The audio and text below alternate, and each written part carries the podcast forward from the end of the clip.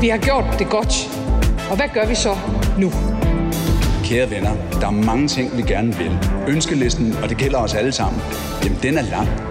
Altså, man må beslutte sig for, hvilket argument man har. Hvornår går vi i gang? Hvornår er nu? Så kom dog i arbejdstøjet. Virksomheder skriger efter arbejdskraft, men dur politikernes løsninger? Er Inger Støjberg fortid, eller venter der mon et politisk comeback? Og hvor grønt kan det lykkes regeringen at gøre landbruget? Ja, det er nogle af de spørgsmål, som vi skal finde svarene på her i Mandat Radio 4's spritnye politiske magasin. Jeg hedder Pernille Rudbæk og er vært og skal sammen med dig, Thomas Larsen, vores politiske redaktør, forsøge at finde nogle af svarene. Kan vi det? Jeg kan i hvert fald love, at vi gør alt, hvad vi kan, og det er godt nok mange spændende spørgsmål, der rejser sig forud for den nye politiske sæson.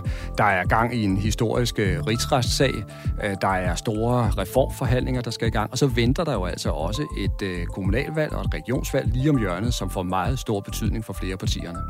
Ja, så har jeg altså også tænkt mig at tage langt væk fra borgens mure og ud i virkeligheden en gang imellem, fordi det er jo der, at politik for alvor betyder noget. Så husk at tænde for mandat hver onsdag mellem 11 og 12. Det er her på Radio 4.